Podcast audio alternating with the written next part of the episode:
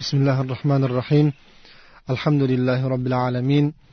والصلاة والسلام على أشرف الأنبياء والمرسلين سيدنا محمد وعلى آله وصحبه ومن تبعهم بإحسان إلى يوم الدين السلام عليكم ورحمة الله وبركاته podshohning adolatli hukm yuritishida yaqin sirdoshlariyu vaziru masvaratchalari katta rol o'ynaydi umar ibn abdulazizning o'n besh farzandi bo'lib ulardan o'n ikkisi o'g'il uchtasi qiz edi Farzandlari ichida o'g'li abdulmalik o'zining o'tkir zehni va taqvosi bilan ajrab turardi. Yangi xalifa umar ibn abdulaziz sulaymon ibn abdulmalikning dafn marosimi bilan mashg'ul bo'lib shu tunni bedor ottirdi. Sulaymonni oxirgi manziliga joylashtirib uyiga qaytgan xalifaga yoshi endi o'n yettiga sakrayotgan o'g'li abdulmalik ey amiral mo'minin rejalaringiz qanday? Endi nimalar qilmoqchisiz? deb savol berdi. Xalifa o'g'ilginam ozgina mijja qoqmasam amaking sulaymon rahmatlikning dafn marosimi bilan bo'lib tinkam quridi. Oyog'imda turolmayapman deb javob berdilar. Shunda o'g'il otasiga odamlarga haqlarini qaytarmasdan turib mijja qoqmoqchimisiz hali? dedi. Ha endi peshingacha bir oz yonboshlab olsam peshinni jamoatda o'qigach odamlarga haqlarini qaytaramizda xudo xohlasa. Sizni peshingacha yashaydi deb kim kafolat bera oladi? dedi o'g'il. O'g'lining oxirgi so'zi umar tanasiga g'oyibiy bir kuch ato etdi. Ko'zidan bostirib kelgan uyquni uchirdi. Butun a'zoyi badanni junbushga keltirdi. Charqog'ini tamoman esdan chiqargan umar o'g'liga qarab beri kel o'g'lim dedilar. Oldiga yaqinlashgan o'g'lini bag'riga bosib peshona va ko'zidan o'pdi va pushti kamarimdan dinimga yordam beruvchi zurriyot chiqargan allohga hamdar bo'lsin deb duo iltijo qildilar. Keyin xalifa o'rnidan turib jarchiga ayting mol davlati nohaq olingan kishilar darhol arizalarini yozsinlar deb buyurdilar. Keling azizlar kezi kelganda umar ibn abdulazizning o'g'li abdulmalikning tarjimai holidan bir oz voqif bo'laylik. Xalq orasida umar ibn abdulazizning xudojo'y bo'lishiga taqvo yo'lini tutishiga sababchi mana shu o'g'li abdulmalikdir degan gap so'z yurardi. Yuqorida aytganimizdek umar ibn abdulazizning o'n besh farzandi bo'lib ularning hammasi o'ziga yarasha solih va taqvodor edilar. Ular orasida o'zining taqvoda gavhardek ko'zga tashlanadigani esa abdulmalik edi. U nafaqat taqvodor balki mohir adib ham edi. Lo'nda qilib aytganda abdulmalikni ko'rganlar katta kishini kichkiraytib qo'yganga o'xshaydi ya deb hayratdan yoqa ushlashardi. Darvoqe abdulmalik go'dakligidan toat ibodatda ulg'aygan ko'rinishda umar ibn xattob oilasiga mingzigan xususan taqvo va gunohlardan qo'rqishida abdulloh ibn umarga juda juda o'xshardilar. Abdulmalikning amakisi abu bakrning o'g'li osim shunday hikoya qiladi. Bir gal damashqqa borib amakimning o'g'li abdulmalikning o'tog'ida qoldim. U paytlar abdulmalik bo'ydoq yigit edi. Xufton namozini jamoatda o'qib o'toqqa qaytgach har birimiz o'z to'shagiga borib yotdi. Yarim tunda xuddi farishta turtganday uyg'onib ketdim. Qarasam abdulmalik qorong'i tunda namoz o'qiyotgan ekan.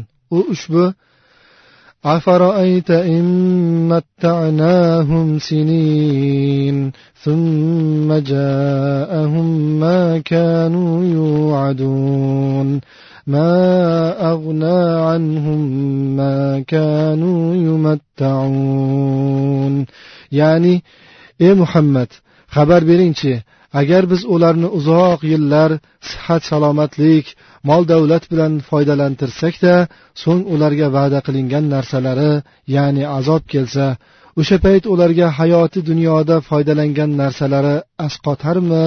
Mazmunidagi oyatni takror takror tilovat qilar va yurakni ezvoradigan darajada unsiz yig'lardi. Bir oyatdan o'tib keyingisida ham xuddi shu tarzda yig'layverdi. Darrov xayolimga agar buni hozir to'xtatmasang uni yig'i o'ldirib qo'yishi hech gap emas degan fikr chalindi. Keyin men xuddi uyqudan endi uyg'ongan kishiday la ilaha illalloh valhamdulillah deb ses chiqardim. Shu bilan abdulmalikning yig'isi tindi. Tovushimni eshitishi bilan sukut qildi. Hatto tonggacha biron narsa deganini eshitmadim. Abdulmalik ibn umar ibn abdulaziz o'z zamonasining eng zabardast allomalaridan tahsil oldi. Yoshligidayoq qur'onni yod ko'tardi. Hadis ilmida ham abdulmalikning oldiga tushadiganlar kamdan kam uchrardi. Sabza mo'ylov bo'lishiga qaramasdan faqih yigit abdulmalik o'z davrida shomning oliy tabaqa ulamolari bilan davradosh edi. Rivoyat qilinishicha bir kuni umar ibn abdulaziz shomning peshqadam qurrolari va faqihlari bilan ahli bayti odamlar qo'lidan nohaq olgan mol davlatlarni egalariga qaytarish borasida mashvarat qilgan ekanlar. Shunda ular ey amiril mo'minin bu ishlarning hammasi siz xalifa bo'lishdan oldin sodir etilgan. Nohaq olingan mol davlatlar gunohini o'sha tortib olganlar ko'taradi. Sizning bunga hech qanday daxlingiz yo'q debdilar. Ularning mashvarati qandaydir umarga ma'qul kelmadi. Buni payqagan ayni paytda ko'pchilik ulamolar fikrini qo'llamayroq turgan bir olim amirul mo'minin abdulmalikka odam jo'natsangiz abdulmalik ham bu yerga tashrif buyurganlardan ilmda fiqda va aqlda ortiq bo'lsa ortiqki kammas bir uning mashvaratiga ham quloq osaylikchi deb taklif qilibdi. Chopar tezda abdulmalikni chaqirib keldi. Abdulmalik otasining huzuriga kirgach umarga umar unga qarab amakimizni bolalari odamlardan tortib olgan mol davlatlar borasida nima deysiz? deb so'rabdi. Shunda abdulmalik modomiki siz amakimizni o'g'illari odamlardan mollarini nohaq tortib olganini bilar ekansiz. Uni o'z egalariga qaytarmog'ingiz darkor.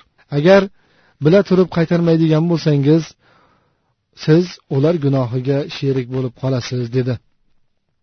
Buni eshitgan umarning qalbi yorishdi. Nafsi orom topdi.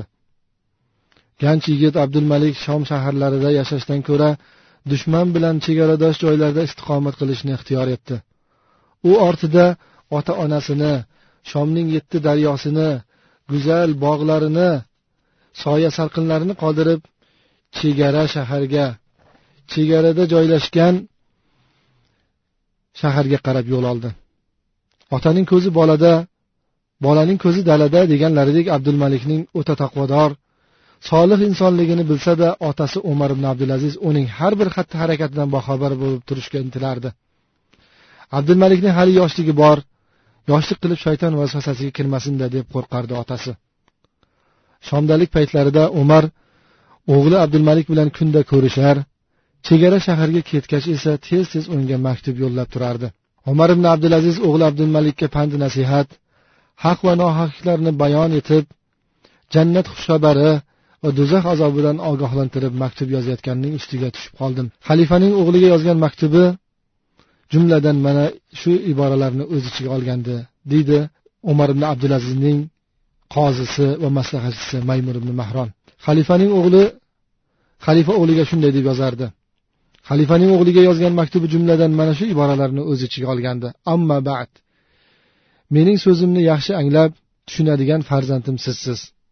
Darhaqiqat alloh taolo u zotga hamdar bo'lsin bizlarni kattayu kichik ishlarimizni o'nglab qo'ydi. Bas o'g'lim siz alloh taoloning sizga va ota onangizga ato etgan fazli marhamatini doim yodda tuting. Kibr va katta ketishdan o'zingizni saqlang. Chunki bu narsalar shayton amalidandir. Shayton esa mo'minlarga ochiq dushmandir. Ma'lumingiz bo'lsinki men bu maktubni menga yetgan nojo'ya xatti harakatingiz uchun yo'llayotgan emasman. Men sizning faqat ezgu amallar qilishingizni bilurman. Lekin menga siz haqingizda biroz o'zingizga oro berishingiz kibringiz borligi yetdi. Ana shu hislat sizni yomon ko'rgan yo'l men yomon ko'rgan yo'lga soladigan bo'lsa mendan yaxshilik kutmang.